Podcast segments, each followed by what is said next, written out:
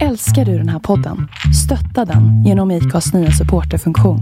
Det är helt upp till dig hur mycket du vill bidra med och det finns ingen bindningstid. Klicka på länken i poddbeskrivningen för att visa din uppskattning och stötta podden. Hiring for your small business? If you're not looking for professionals on LinkedIn, you're looking in the wrong place. That's like looking for your car keys in a fish tank. LinkedIn helps you hire professionals you can't find anywhere else, even those who aren't actively searching for a new job but might be open to the perfect role. In a given month, over 70% of LinkedIn users don't even visit other leading job sites. So start looking in the right place. With LinkedIn, you can hire professionals like a professional. Post your free job on linkedin.com slash people today. Mom deserves the best, and there's no better place to shop for Mother's Day than Whole Foods Market. They're your destination for unbeatable savings, from premium gifts to show-stopping flowers and irresistible desserts. Start by saving 33% with Prime on all body care and candles. Then get a 15-stem bunch of tulips for just $9.99 each with Prime. Round out Mom's menu with festive rosé, irresistible berry chantilly cake, and more special treats. Come celebrate Mother's Day at Whole Foods Market.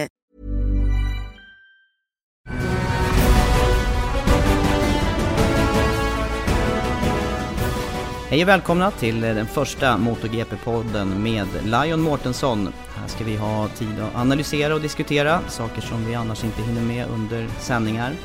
Kommer även att eh, försöka få med ett antal gäster här under året. Och först Andreas, det här med eh, förändringarna till denna säsong i stora klassen, reglemente, där eh, Michelin då dels har ytterligare en däcksblandning med till helgerna och dessutom stora skillnader för teamen och förarna vad det gäller aerodynamiken.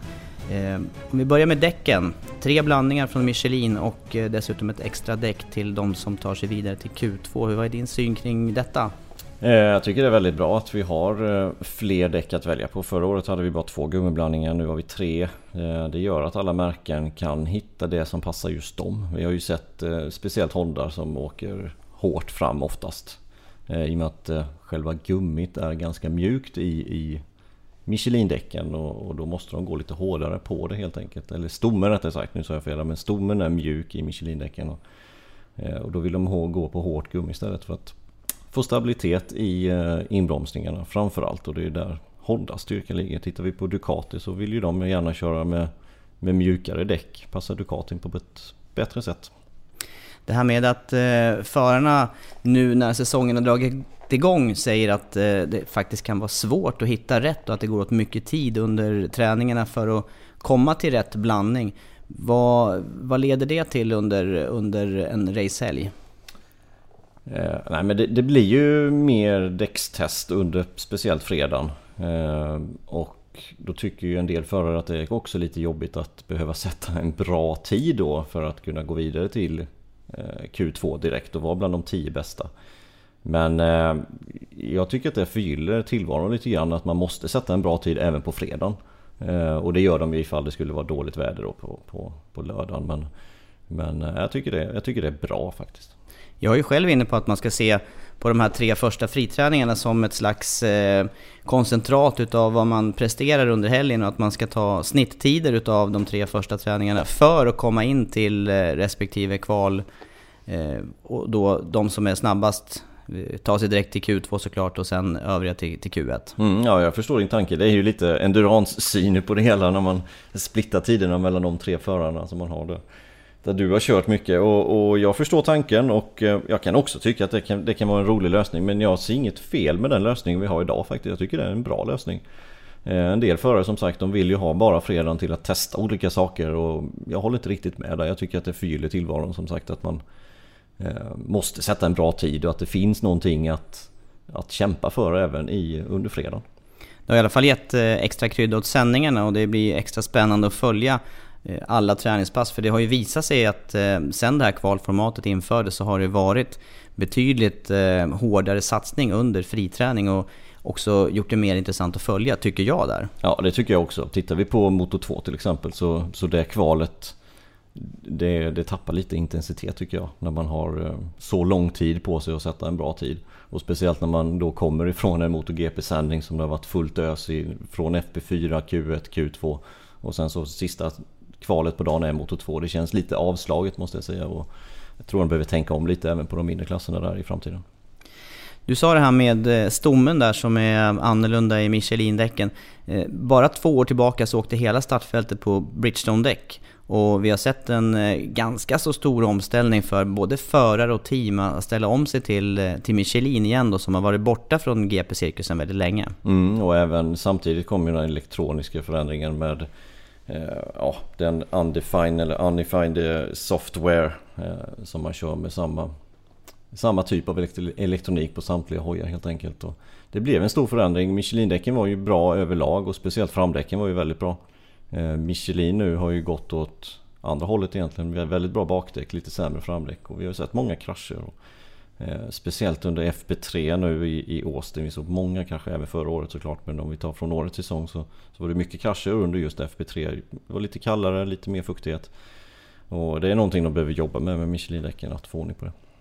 Samtidigt så säger ju många förarna som har varit med länge att eh, Michelin-däcken som, som används nu är ju ändå däck som, som ger ordentlig återkoppling. Men, men, trots det så är det, som du säger, mycket krascher. Jag tycker det är anmärkningsvärt att, inte, att eh, det inte kommer mer kritik från förarna. För det är ändå de som i slutändan ligger på backen, kanar ut och i vissa fall gör riktiga högfartskrascher. Ja visst är det men, men tittar vi även på FP3 så en del förare de, de var inte ens ute på det mjukaste däcket utan de var ute på sina medium för att testa inför race-distans och en del åkte till och med på hårda framdäcken.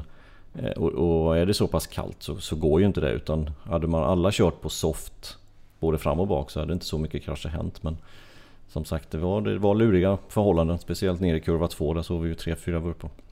Däremot förra året när, när Michelin då kom tillbaka till, till MotoGP då var det betydligt fler krascher under alla racehelger. Men någonting som, som jag hakade upp mig på också kring eh, de här krascherna senast i Austin, Texas, det var ju kring eh, att man då som förare och team måste välja kvällen innan redan vilka däck som, som ska sättas på och för att vara förberedda för kommande dags första träning. Ja, i och med att man, man bränner ju så pass många däck så man måste ju ha en liten strategi på vad man ska använda för däck såklart. Eh, annars får man ju ha hur mycket fälgar som helst och det, det har ju inte teamen.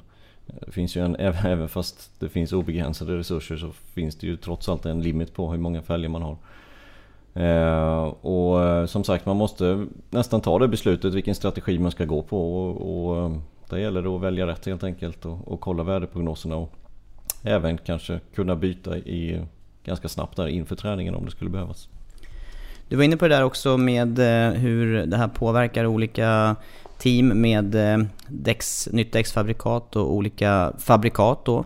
Eh, den andra stora förändringen när vi tittar på reglementet till den här säsongen, det handlar om aerodynamiken och där är ju fortfarande utvecklingen i sin linda, men vi har sett många olika lösningar på tester och ett par team använda deras lösningar under race-situation. Mm. Dock är det inte många som har valt det än.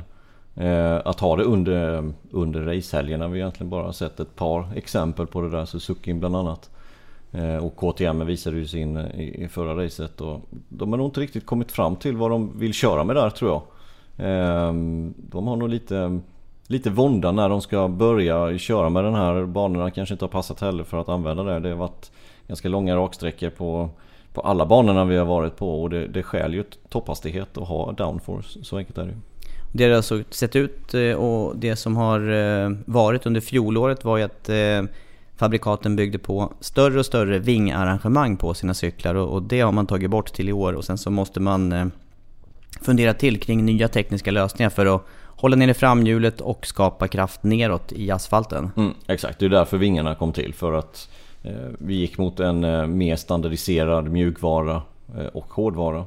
Eh, och eh, då blir den här anti-wheeling helt enkelt. Man kan inte ställa in den på samma parametrar som man kunde innan vilket gör att då gick de på vinglösningen istället för att trycka ner framhjulet under acceleration. Där tror jag elektroniken kommer bli bättre och det ser vi ju redan. Eh, när de har tagit bort vingarna. Det är inte samma problem som det var i början på förra säsongen. Går vi in då på um, fabrikaten och tittar eh, så är det sex fabrikat med i um, mästerskapet i år. Det är Honda, Yamaha, Ducati, Suzuki har vi sett nu ett par säsonger. Aprilia också under utveckling och sen ett helt nytt eh, fabrikat i MotoGP-sammanhang med KTM. Och eh, om vi börjar med Honda, regerande världsmästaren Marc Marquez samt Danny Pedrosa i sadeln. Hur eh, hanterar de de här förändringarna i år tycker du av det vi har sett hittills? De gick över från eh, att åka Screamer-motorn förra året till att åka Big Bang i år. Ehm, inte helt problemfritt än så länge. De har eh, fortfarande problem med Honda. Den är inte så pass bra som, som de vill ha den. Och ehm, tittar vi på Yamaha till exempel så är det nog ett bättre paket. Så så att Honda har lite fortfarande i utvecklingsstadiet på den här motorn. Eh, kanske även en del på chassit. Eh, Hondan ser inte ut att vara väldigt lättkörd. Även, för, även eh, fast Marcus kör fort med den men det ser vi på hans körning att han får ta i för, ja, för allt vad han har för att, för att kunna sätta de här varvtiderna som han sätter. Och, eh, de behöver utveckla Hondan ännu mer. Ja, min känsla är också det att eh, Marcus särskilt då som vi, som vi har sett eh, högst upp i resultatlistorna, oftast utav de här två förarna, verkligen får pusha gränserna och också riskera att krascha och, missa. Och I sammanhanget då, eller i slutställningen i ett eh, i VM, så är det ju sånt som kan fälla avgörandet. Mm. Och precis vad du säger, att det, det, känns som att Marcus ligger betydligt närmare gränsen på att krascha än vad till exempel då hans värsta rival som är egentligen då Vinales. Han känns som att han har större marginal även nu fast det, det är lite motsägelsefullt i och med att Vinales kraschade förra racet och Marcus vann ganska övertygande. Men det känns så när man ser dem men sen ska man komma ihåg att Marcus körstil är lite åt det hållet också. Han kör väldigt aggressivt med, med sin Honda. Du är inne på det själv här med eh, Vinales hos Yamaha tillsammans med eh, Valentino Rossi. Och de har ju båda två inlett säsongen väldigt, väldigt starkt eh, med sina raceresultat. Och Rossi leder för övrigt VM redan efter tre race. Ja, börjar vi med Rossi så har han gjort en superinledning på säsongen. Han har inte varit där riktigt fartmässigt för att kunna utmana eh, varken Marquez eller Eh, Vinales i, varv varvtidsmässigt. Men sen har han ju otrolig erfarenhet och han är ju hur stabil som helst. Och ja, imponerande på de här banorna som han har kört på hittills också, eller de vi har kört på. Det är inte hans favoritbanor någon av dem. Det kommer bli betydligt bättre för oss nu när vi kommer till Jerez, när vi kommer till Le Mans, när vi kommer till Mugello. Eh, när vi kommer till Assen, när vi kommer till Barcelona. Där, där är han riktigt, riktigt stark och han kommer inte ha en sekund till position där. Eh, Yamahas eh, lösning när det gäller eh, att ersätta vingarna, där ligger eh, den nya aerodynamiken då ligger mellan sidokåporna och en, en inre vägg mot motorn och det ändrar ju lite grann eh, trycket på, på motorcykeln när det gäller eh, var luften tar vägen och hur känslan blir för förarna. Mm, de har valt den lösningen istället. De flesta andra märken har ju valt att ha lösningen ganska långt fram för att trycka ner framhjulet. Yamaha har valt att ha den på, nästan på underkåpan. Och de har kommit fram till att eh, det passar den bäst. Nu har vi, fått, nu har vi inte sett den i race-sammanhang ska vi komma ihåg utan vi har bara sett den på testet än så länge. Ducati sen då med eh, Jorge Lorenzo och eh, Andrea Dovizioso. Där har vi två förare som har lyckats väldigt olika under de första racen i år. Mm, speciellt första racet såklart där Dovizioso var fyra tiondelar från att vinna. Eh, riktigt bra race för honom där. Han faktiskt kunde utmana Vinales rejält. Eh, måste jag säga. Det var, det var riktigt, riktigt kul att, att se Dovizioso så högt upp där. Sen har det gått lite troll i det. Argentina vurpade Dovizioso och sen var han tillbaka hyfsat då i, i Austin. Eh, Lorenzo är ju en saga för sig tänkte jag säga men det, det går ju inget vidare. Eh, han underpresterar ju än så länge. Och förhoppningsvis så, så, kommer han att kunna hitta lite bättre tempo. Vi såg en liten trendskillnad tycker jag i, i Austin. Eh, han tog sig till Eh, Q2. Och eh, sen så gick det inte så jättebra i racet. Han blev nia där men och backade tre positioner från hans startposition som var nummer sex där. Men, men eh, ändå ett trendbrott tycker jag för Lorenzo men fortfarande mycket att jobba på. Mm. Suzuki då som fortsatt har eh, utvecklingsarbete att göra men som faktiskt hade en raceseger förra året med Maverick Vinales. I år har man Andrea Janone och Alex Rins i sadeln. Och där har eh, framförallt eh, Rins drabbats av flera skador. Ja, och senast nu när han bröt armen på båda benen i armen gick av. Så att han kommer vara borta några race, kommer ersättas av testföraren Tsuda här nu. Eh, närmast i alla fall i Jerez, sen får vi se vad som händer till, till Le Mans efter det. Men han, säkerligen där också skulle jag gissa på. Janone tufft, en tuff inledning, kraschade i Qatar där ju när han körde på Marquez bakdäck lite grann. Och eh, ride-through i, eh, i Argentina dessutom. Så att, eh, ingen bra inledning av Janone och det bevisar ju lite också att förra året så, så gjorde Marques det väldigt, väldigt bra. Att det var inte cykeln som var så bra utan det, det är faktiskt... Sa jag Marcus? Mm, du sa Marcus. Ja, men du tänker jag menar på Vinales. Ja, ja, ja, på Suzuki. Ja, ja jag, tänkte också, jag tänkte också eh, vända på det ett steg där och tänka på vad eh, Janone presterade på Ducatin kontra ja. Dovizioso. Men hur som helst nu, nu gör vi den jämförelsen där med, ja. Eh, med eh, Vinales på Suzuki och Janone på Suzuki. Ja, exakt. Eh, och Vinales presterade ju bra på Suzuki förra året och där har vi inte alls sett Suzuki i de första tre racen här nu. Och det bevisar vilken talang Vinales är skulle jag vilja säga. Janone är inte dålig på något sätt men, men han är ingen, han är ingen Vinales. Två märken kvar. Aprilia som, som räknas som eh, independent team trots att man eh, i princip är en fabrikssatsning då, men, men det drivs av eh, Fausto Gresini. Där har vi Alicia Spargare och Sam Lowe's i sadeln och, och då är eh, Sam Lowe's rookie i MotoGP-klassen. Mm, och eh, totalt ifrånkörd av eh, Alicia Spargare och har gjort det väldigt, väldigt bra måste jag säga. Riktigt, riktigt bra. Eh, på Aprilian och man kunde knappt förvänta sig de resultaten man har sett. Sen har han sina dippar med som sagt när han eh, drog omkull eh, Dovizioso till exempel i Argentina. Det var ju ingen höjdare såklart. Men eh, ja, framåt tycker jag det går för dem. Ehm, som sagt, inget fabriksteam utan går som, Gå som ett independent team. Som sagt, jag tycker också det är väldigt konstigt att de har gjort sådär alltså. Men eh, så är det. Det drivs av Gresini och eh, då ses det inte som ett fabriksteam. Och, ja, lite konstigt men så är det. Lite upp och ner alltså för Aprilia och eh, det leder oss in på KTM som sjätte och sista fabrikat. Och där har vi ju Eh, det är svårt att ha några förväntningar på ett nystartat team. Det är, det är extremt stort att dra igång ett stort arbete och samtidigt har KTM Moto 3-cyklar. De har ett nytt chassi i Moto 2 och eh, nu då ett fullskaligt MotoGP-projekt då Roiland med Bradley Smith och Paul Espargaro i sadeln. Mm. Och eh, de har ju inte riktigt rosat marknaden heller. Det kunde vi inte förvänta oss heller. De är helt nya i klassen och det, det kommer ta en stund för dem innan de kan göra resultat. Eh, nu tog de sina första poäng i Argentina. Riktigt, riktigt kul att de eh, kommer på poängplats. 14 och 15 plats där men fortfarande mycket utvecklingsarbete kvar på KTM. Första racet för säsongen i Qatar, då var det ju faktiskt eh, svalare än vad vi har här nu hemma i ditt kök Andreas. Ja, visst var det så. Helt oväntat att åka till öknen och sen är det regn och, och nästan så man får ta på sig en extra tröja, åtminstone på kvällstid som, som racet ligger på numera. Eh, där var det Maverick Vinales före Andrea Dovizioso med Valentino Rossi på, på tredje plats. Och annars var just vädret det stora samtalsämnet under helgen. Mm, det blev, och racet blev ju förskjutet med 40-45 minuter innan vi kom iväg där på grund av skurarna som kom. Och sen så kom det ju en riktig störtskur efter racet när de stod på pallen. Så att, Eh, det var ju den diskussionen lite, lite märkligt när man åker till andra sidan jorden, tänkte säga, till Mellanöstern och så är det sånt väder och sen veckan efter så var det ju strålande solsken igen och 30 grader. Så det var ju väldigt mycket otur vi hade där. Märks det på, på hela vad ska man säga, infrastrukturen att det inte det är inte räknat med överhuvudtaget nederbörd. För det stod ju halv meter högt med vatten på vissa ställen och till och med nästan svårt i trafiken att ta sig ut till banan där. Mm, visst var det så. På kvällen där när vi kom på, på lördagskvällen var det väl, det var ju hur mycket vatten som helst. kom vi knappt fram till hotellet. Så att, ja, det är inte byggt för regn helt enkelt. Så.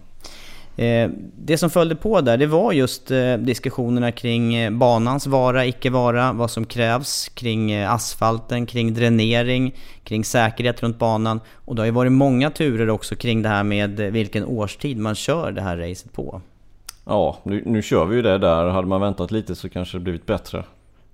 och nu funderar de på att lägga det ännu tidigare. Så att, ja, de vill ju ha premiären, det är ju det de har betalat för. Och Helst vill de ha det i, i mörker och ja, de har lite att fundera på där vad de, vad de vill egentligen. Idén det här med att bygga in hela arenan under tak, det är nästa steg. Först, först bygger man en bana ja. och sen så lägger lika mycket pengar på belysning. Eh, och belysning kommer ju till då när, när det plötsligt ska ligga under den här årstiden. Om man vill ha lite, nej det var inte kopplat till årstiden framförallt utan eh, eh, kring att få ner temperaturerna på, på racet. Ja, men då hade man ju den också i slutet av året. Hade man ju, hade man ju racet och eh, Ja, sen betalade de för premiären och nu blev det som det blev. Men bygga in det kanske är en eh, bra lösning till nästkommande år. Och får de lägga lika mycket pengar som de lagt på både belysning och banan tror jag att bygga in det där. kan bli första inomhusracet i MotoGP då. Men det var någon som skämtade om det och sen är det ju annars eh, upp till, upp till ingenjörer och konstruera en bana som åtminstone Eh, stå pall för någon regnskur och att det, att det faktiskt rinner undan. För här, här handlar det också om säkerheten där, där det blev eh, vissa avåkningszoner som var fyllda med vatten och det blir farligt i sig. Ja, det går ju inte om någon skulle vara medvetslös och ligga med hjälmen ner i vattnet. Det, det funkar inte att köra och det var ju därför vi inte körde heller. Det var inte så att banan inte gick att köra på. Det var ju vissa partier såklart men, men framförallt var det ju att avåkningszonerna var fyllda med vatten. Och det är klart att de måste göra någonting åt det. Eh, de måste ju ha en, en I'm Sandra, and I'm just the professional your small business was looking for. But you didn't hire me because you didn't use LinkedIn jobs. LinkedIn has professionals you can't find anywhere else, including those who aren't actively looking for a new job but might be open to the perfect role, like me. In a given month, over 70% of LinkedIn users don't visit other leading job sites. So if you're not looking on LinkedIn, you'll miss out on great candidates like Sandra. Start hiring professionals like a professional. Post your free job on linkedin.com/people today. If you're looking for plump lips that last, you need to know about Juvederm lip fillers. With Juvederm Volbella XC and Juvederm Ultra XC, your lip look, whether it's subtle or bold, can last up to one full year with optimal treatment and no additional maintenance. Find a licensed specialist and see if it's right for you at juvederm.com today. That's J U V E D E R M.com. Add fullness to lips in adults over 21 with Juvederm Volbella XC or Juvederm Ultra XC. Do not use if you have severe allergies or a history of severe allergic reactions, or if you're allergic to lidocaine or the proteins used in Juvederm. Tell your doctor if you have a history of scarring or taking medicines that decrease the body's immune response or that can prolong bleeding. Common side effects include injection site redness, swelling, pain, tenderness, firmness, lumps, bumps, bruising, discoloration, or itching. As with all fillers, there's a rare risk of unintentional injection into a blood vessel, which can cause vision abnormalities, blindness, stroke, temporary scabs, or scarring. For full important safety information, visit juvederm.com. Mom deserves the best, and there's no better place to shop for Mother's Day than Whole Foods Market. They're your destination for unbeatable savings, from premium gifts to show-stopping flowers and irresistible desserts. Start by saving 33% with Prime on all body care and candles. Then get a 15-stem bunch of tulips for just $9.99 each with Prime. Round out Mom's menu with festive rosé, irresistible berry chantilly cake, and more special treats. Come celebrate Mother's Day at Whole Foods Market. Plan B att vi ska kunna köra i regn så att det inte blir inställt bara det kommer en liten skur. Den här gången var det ren flax att, att premiären blev av på rätt dag helt och hållet. Ja, det, det har ju blivit flyttat. Det var det 2009 senast det flyttades till måndagen och, och det var inte alls långt ifrån att vi var där. Vidare då till eh, Argentina med eh, kraschfest och eh, det var Maverick Vinales som vann sitt andra raka race före Rossi som fortsätter att stå på pallen. En placering bättre än i premiären. Och därefter bästa Honda-förare med Cal Crutchlow. Men det var alltså mängder utav krascher under eh, racet. Ja, det var det. Både Ducat, båda Ducaterna med Dovizioso och Lorenzo gick omkull. Och tar vi dem först så så var det ju inte riktigt eh, Doviziosos fel att han kraschade kanske utan han blev ju i kulldragen av eh, eh, Aleix Spargaro där ner i kurva 5. Däremot eh, Lorenzo gjorde ju ett eget misstag. Alldeles för nära och alldeles för het på Janone i första svängen och, och, och kraschade självmant. Och det, ett sånt misstag ser man inte riktigt av, eller man har inte sett sådana misstag av Lorenzo innan.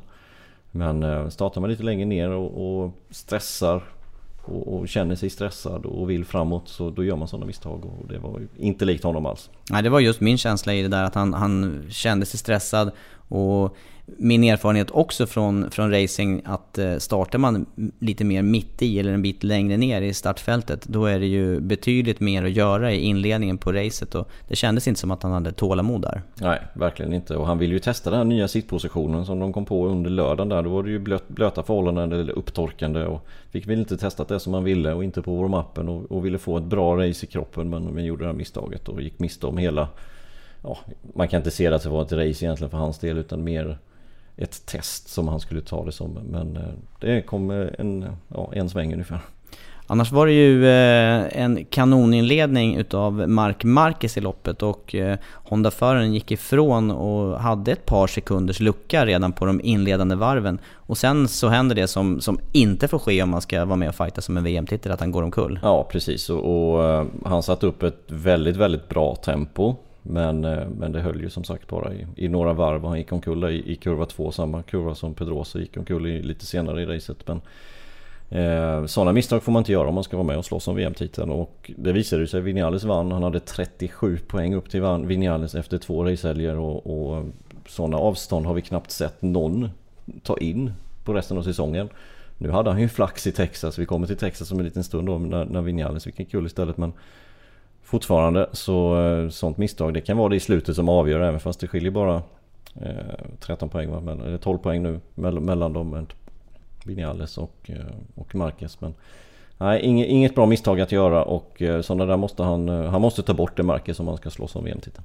Men då, då blir min fundering där, är det Marquez som gör misstaget eller är det just att Hondan är så pass svår att köra? För vi såg ju faktiskt också Pedrosa, som du var inne på, göra samma misstag och kopplat det här med, eh, med däcken eller var Hondan har fördel jämfört med de andra fabrikaten så är vi tillbaka där med, med bromsningarna och att de måste pusha grejerna mycket, mycket hårdare än andra. Ja, Hondan är ju väldigt bra i inbromsningen men, men det betyder inte att man kan bromsa hur sent som helst heller. Utan de vill ju ta så mycket tid som möjligt i det starka området för Hondan och det är just inbromsningen. Men i detta fall blev det ju för mycket.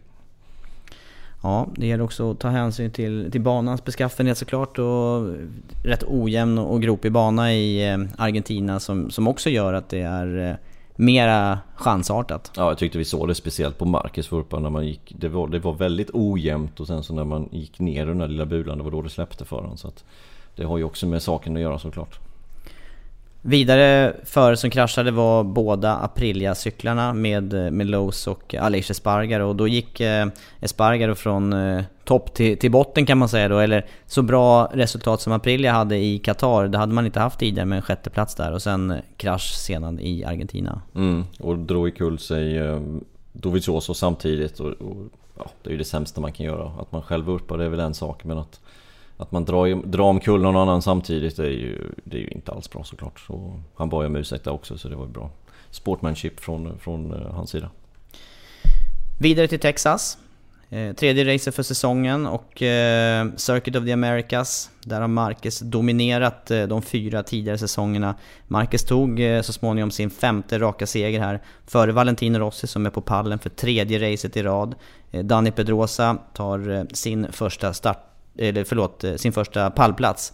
Men det var framförallt inte där som, som snacket eh, stod efteråt. Nej det var det ju inte utan det var ju eh, Sarko. Och vi har inte nämnt Sarko här än så länge i den här podden men, men Sarko gjorde ju fantastiskt inledning på racet i Qatar.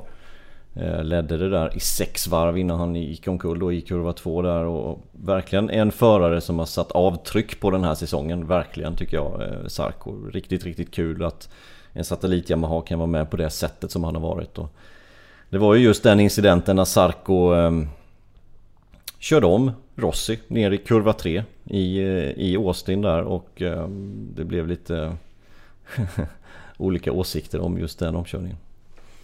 Eh, Ja, vi ska ta och eh, lyssna på Rossis eh, egen reaktion på det som hände på banan och eh, så får vi fortsätta diskutera det efteråt. I was uh, always uh, very fast at the beginning, but after I suffer, uh, I suffer a lot.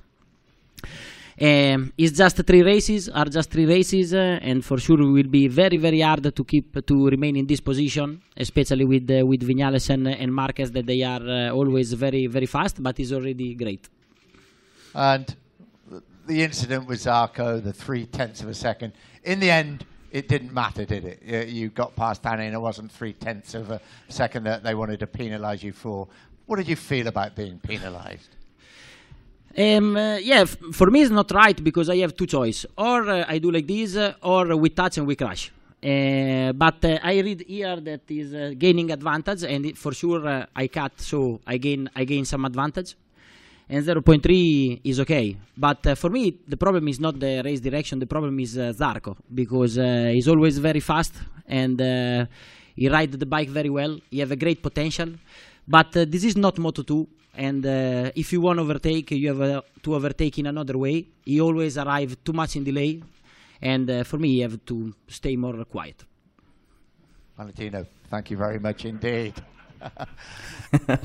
Ja, det drar ner lite eh, skrattsalver på presskonferensen efter racet och också det vi inte hör här eh, men däremot såg eh, reaktioner från, från övriga förare under presskonferensen. Men, men det Rossi säger här är att han tycker att det är okej okay med bestraffning tidsmässigt. Han fick 0,3 sekunder. Vi hade mycket diskussion om det under racet. Hur det påverkar utgången och om man ska Eh, visade påtavlor som, som förklarar vad som har hänt. Men det stora här är ju eh, Rossis eh, ja, ska man säga, tillrättavisning utav Sarko då? Jo men det är det ju. Sarko som kom in som en, en frisk, fläkt, frisk fläkt och vunnit Moto 2 två år i rad och eh, gör sånt avtryck som man har gjort ändå i MotoGP än så länge och verkligen är med och utmanar redan om pallplatsen. Nu har han inte lyckats ta en pallplats än utan eh, femte plats nu senast i, i Texas. Men, men eh, visst är det en liten tillrättavisning och eh, det var en hård omkörning, det är inte snack om saken. Eh, Dock så missade ju Rossi i kurva 1 och det var ju egentligen det som Som bjöd in till hela den här omkörningen i kurva 3 Ja, och då kan man ju ställa sig frågan, då ska det inte vara okej okay att, köra om? Motor Moto 2 är ju en, eh, en jämn klass. Eh, Sarko har varit världsmästare två år i rad där. Och han har gjort omkörningar förut i just den här svängen. Vad är det Rossi menar egentligen då? Nej, men att han, att han visar sig för sent och, och det gör han ju i detta läget. Det, det är ju inget... Eh, det, det, är ju en hård omkörning, det är inget snack om saken. Men däremot så, så inbjuder den här banan till att den kanske blir lite hårdare än vad den egentligen hade varit. För hade, hade den vänstern fortsatt hela vägen runt istället. Eh, som till exempel eh, sista, vänster, sista högfartsvänstern på Assen innan chikanen där till exempel. Hade den fortsatt så så hade Rossi bara kunnat lägga sig ut på utsidan och följt med bak.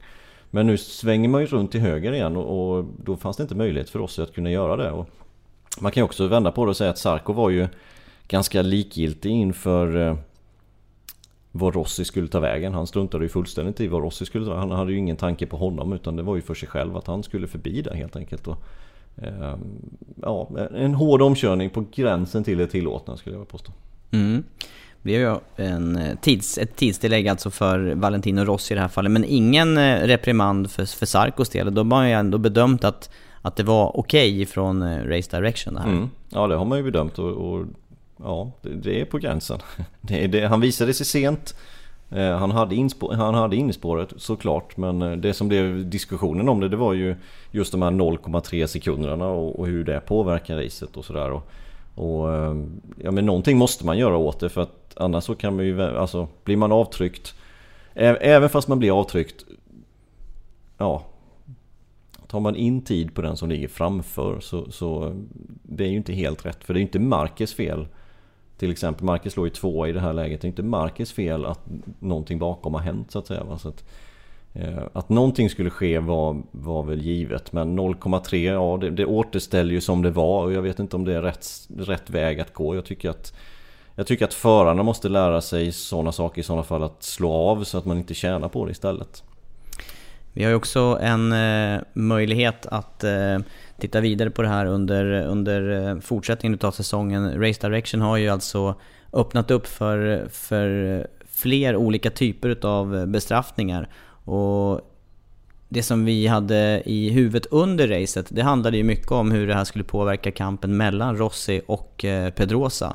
Därför att eh, i praktiken, om, när Rossi tog sig förbi Pedrosa till andra platsen så hade ju direkt att Pedrosa höll sig i rygg på Rossi. Han, han hade ju sluppit att göra attacker på positionen om man bara hade hållit sig i bakhjulet på Rossi. Ja, och, och, det är ju det största problemet tycker jag med detta också. Det, det är ju just att hur ska man förmedla den hur ska man förmedla det till förarna? Här har vi ingen radiokommunikation och det är depåtavla man kan titta på och normalt sett så hinner man inte se. Man har fyra fält på sin depåtavla. Man hinner inte se alla fyra fälten när man passerar i, i två, det beror på hur fort det går för, förbi dem, men 200-300 km i timmen. Det, det, går liksom inte. Och, eh, så, så att det är verkligen nästa problem hur, hur man kommunicerar det. Det är där jag säger att jag tycker att Kanske att man ska, man ska ha en större bestraffning. Även fast du inte är vållande, även fast du har blivit avtryckt. Tjänar du på det och då måste du släppa tillbaka. Annars får du en bestraffning som blir kännbar. För då kommer förarna och teamen lära sig att nu måste du backa tillbaka en sekund eller nu måste du Ja Nu måste du göra ditten och datten. Precis som man gör då med, med när man ska backa tillbaks placeringen till exempel. Jag tror det är dit vi måste gå för att Eh, ska vi hålla på med 0,3 återställare så här, alltså det blir bara fel i racen. Vi kommer till en bana nästa helg redan, eller den, den helg som, som väntar närmast. Eh, och det är Jerez, där vi har sett många raceavslutningar i eh, den avslutande hästskovänstern ut på start och målrakan. Där hade det varit läge att bestraffa för om man tittar tillbaka historiskt. Ja, det kan man säga. Eh, Rossi har ju varit inblandad där någon gång och Marquez har varit inblandad där också mot Lorenzo för några år sedan. Och Lorenzo på juniortiden redan? Ja, det, ja just det. Innan de körde, var det Metrakit de körde? Mm, jag tror att det var så. Ja, Metrakit, ja. Ja, den bjuder ju verkligen in. När det är en hårnål i slutet på varvet så, så bjuder det in för hårda omkörningar och kanske även lite kontakt. Och det har vi sett många gånger i Jerez. Och jag längtar verkligen efter sista varvet på söndag och, och hoppas att eh, vi kommer få se ett sånt här sista varvet avgörande. Förra året var det Rossi från Pole som vann racet, Lorenzo på andra plats från andra startruta och Marquez på tredje plats ifrån tredje startruta. Det var eh, så som kvalet eh, utföll, så blev även raceresultatet. Mm, lite statiskt race. Jag tittade faktiskt på, på det här bara för någon timme sedan, förra årets race från Jerez. Väldigt statiskt, Rossi dominerade totalt och Lorenzo trivdes inte med sitt bakdäck tror jag det var det, som, som inte funkade för honom. Och Marcus hade inte tempot helt enkelt. Och, och, vi ska komma ihåg Pedrosa också, en förare som gör bra resultat på... Brukar göra bra resultat på Jerez och tycker om den banan. Så att, lite varningens finger för honom. Sen om det räcker för pallen för Pedrosa denna helgen igen. Ja, jag är mer tveksam. Jag, jag tror Vinales kommer, tillbaka, kommer komma tillbaka väldigt starkt nu efter sin, efter sin vurpa faktiskt. Han, eh, han, han kom ner lite på jorden känns det som efter den här vurpan. Han visste inte riktigt vad det som hände. Och, Kanske kände sig lite stressad i Austin där efter sin vurpa men ja. Eh, men jag tror han kommer att komma tillbaka väldigt starkt och han och Rossi tror jag kommer bli giftiga. Honda, jag vet inte om Honda eh, om Honda är tillräckligt bra för att utmana på Jerez. Det är, det är med Marcus i sådana fall. Känns som att eh, det är i alla fall den värsta typen av krascher att göra det som Vinales då gör i, i Texas med där han inte riktigt kan förklara vad som har hänt och man inte heller kan utläsa från data. Jag tyckte vi var ganska eniga under sändning där vad som hände och tyckte väl båda två att han, när han missade idealspår lite grann, kunde backa tillbaka aningen i fart för att komma in i idealspår igen och sen ta en ny satsning framåt. Mm, exakt, ja, jag tycker det också. Men han själv säger ju att det inte berodde på att han var för långt ut utan det var samma hastighet, till och med någon kilometer lägre än varven innan eller på warm-upen med, med lika mycket bränsle i tanken. Så att han var nog lite förvånad att det där hände men det, det såg ut som på tv-bilderna att han var lite långt ut men det är marginellt också ska vi komma ihåg. Och Eh, vi får ju tro på vad han säger men, men hoppas att han kan skaka av sig det där eh, så fort som möjligt och bara kunna gå vidare. nu. Det tajtar ju till i VM-ställningen i alla fall. Rossi går upp i ledning efter eh, tre körda deltävlingar. Sex poäng har han till godo på Vinales. Och sen 18 poängs övertag till eh, Mark Marquez då som, som tjänar massor naturligtvis på att eh, Vinales går omkull i det senaste racet. Men en ny eh, del utav säsongen drar igång, Europadelen här nu med Jerez, fortsätter till Le Mans, Mugello och det fortsätter även vidare med lopp i Europa, en annan typ av bankaraktär och ett publiktryck och ett tryck på förarna som, som inte liknar det som, som är på, på andra ställen. Verkligen, vi vet ju när vi är i Spanien och, och Italien då är det ju helt eh, makalöst tryck på läktarna. Och, eh, tittar, vi, tittar vi tillbaka vem som har gjort bäst resultat, tittar vi på förra året till exempel så är jag imponerad av Rossis svit. Eh, som han hade under just i början på Europasäsongen just när vi kom till Jerez. Jerez vann alltså Rossi på förra året. Och, eh, han, han kommer bli tuff den här helgen, det är inget snack om saken. Och, och, vi kan kritisera Rossi att han är en sekund efter på kvalet men han leder fortfarande mästerskapet på sina kanske tre sämsta banor för året. Nu kommer vi till de närmsta fem banorna som är kanske hans bästa för hela året. Eh, och vad ska det här sluta då? Det, det, det är frukta, alltså det är riktigt, riktigt imponerande Rossi att alltid är, alltså han är alltid med och på söndagar så, så funkar hojen och han kör hur bra som helst. Och i nästan i, som man har sett han i, i, i början eller i mitten på 2000-talet liksom. Och, eh, så det blir väldigt intressant att se hur, hur det går i helgen på Jerez. Som sagt förra, eller förra året så dominerade han verkligen här från pole position. Och kan han upprepa det då är det ja, grymt. Tre körda race utav 18 den här säsongen. Det är ett långt år och förra året var det nio vinnare på de 18 deltävlingar som, som kördes. Och Ja, jag ser själv också väldigt mycket fram emot de här Europaracen där, eh, där på något vis säsongen sätter sig och det kan bli avgörande i slutet. Eh, det har visat sig förut att den som gör minst misstag eh, lyckas bli världsmästare i slutet utav året. Och, ja, jag tror också mycket på, på Rossi den här perioden, men samtidigt så är jag grymt imponerad utav eh, Vinales så långt. Mm. Och det är ju klart att Yamaha verkar ha hittat eh, en fortsättning, förfina ett redan bra paket. Ja, vi, vi, kan inte bortse från att Vinales har varit riktigt, riktigt stark varvtidsmässigt. Eh, nu gjorde han ett misstag senare som bjöd in de andra i mästerskapet igen, men, men han är ju grymt, grymt stark. Och ska, det ska bli jätteintressant att se när vi kommer nu till Europabanorna hur nära Rossi kan vara eh, just inom teamet. Ja, och eh, med detta så tänker vi att vi avrundar den första MotoGP-podden för säsongen. Lion Mårtensson och eh, vi påminner också om eh, sändningstider för helgen och eh, MotoGP-racet i Jerez. Eh, ni följer oss såklart på Viasat Motor och Viaplay. Drar igång eh, kvart i tio på fredag. På lördag så är det kval med start 10 över 2 och på söndag uppsnack inför racet klockan 2 på eftermiddagen. Och det är alltså den fjärde deltävlingen utav 18 denna säsong i MotoGP. Med detta så, så rundar vi av den här sändningen och eh, Andreas, någonting mm. ytterligare att tillägga?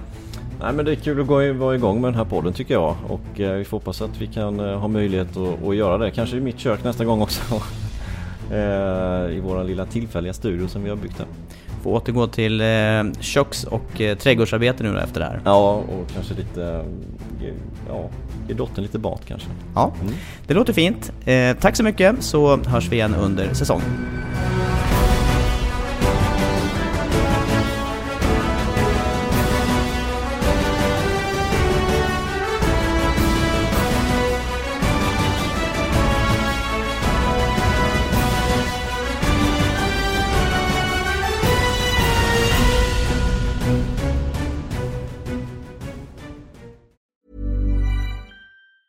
Hi, I'm Daniel, founder of Pretty Litter. Did you know cats tend to hide symptoms of sickness and pain? I learned this the hard way after losing my cat, Gingy. So I created Pretty Litter, a health monitoring litter that helps detect early signs of illness by changing colors, saving you money and potentially your cat's life. Pretty Litter is veterinarian developed, and it's the easiest way to keep tabs on your fur baby's health right at home. Go to prettylitter.com and use code ACAST for 20% off your first order and a free cat toy. Terms and conditions apply. See site for details. Hey, it's Paige DeSorbo from Giggly Squad. High quality fashion without the price tag? Say hello to Quince. I'm snagging high end essentials like cozy cashmere sweaters, sleek leather jackets, fine jewelry, and so much more. With Quince being 50 to 80% less than similar brands. And they partner with factories that prioritize safe, ethical, and responsible manufacturing. I love that. Luxury quality within reach. Go to quince.com slash style to get free shipping and 365 day returns on your next order. Quince.com slash style.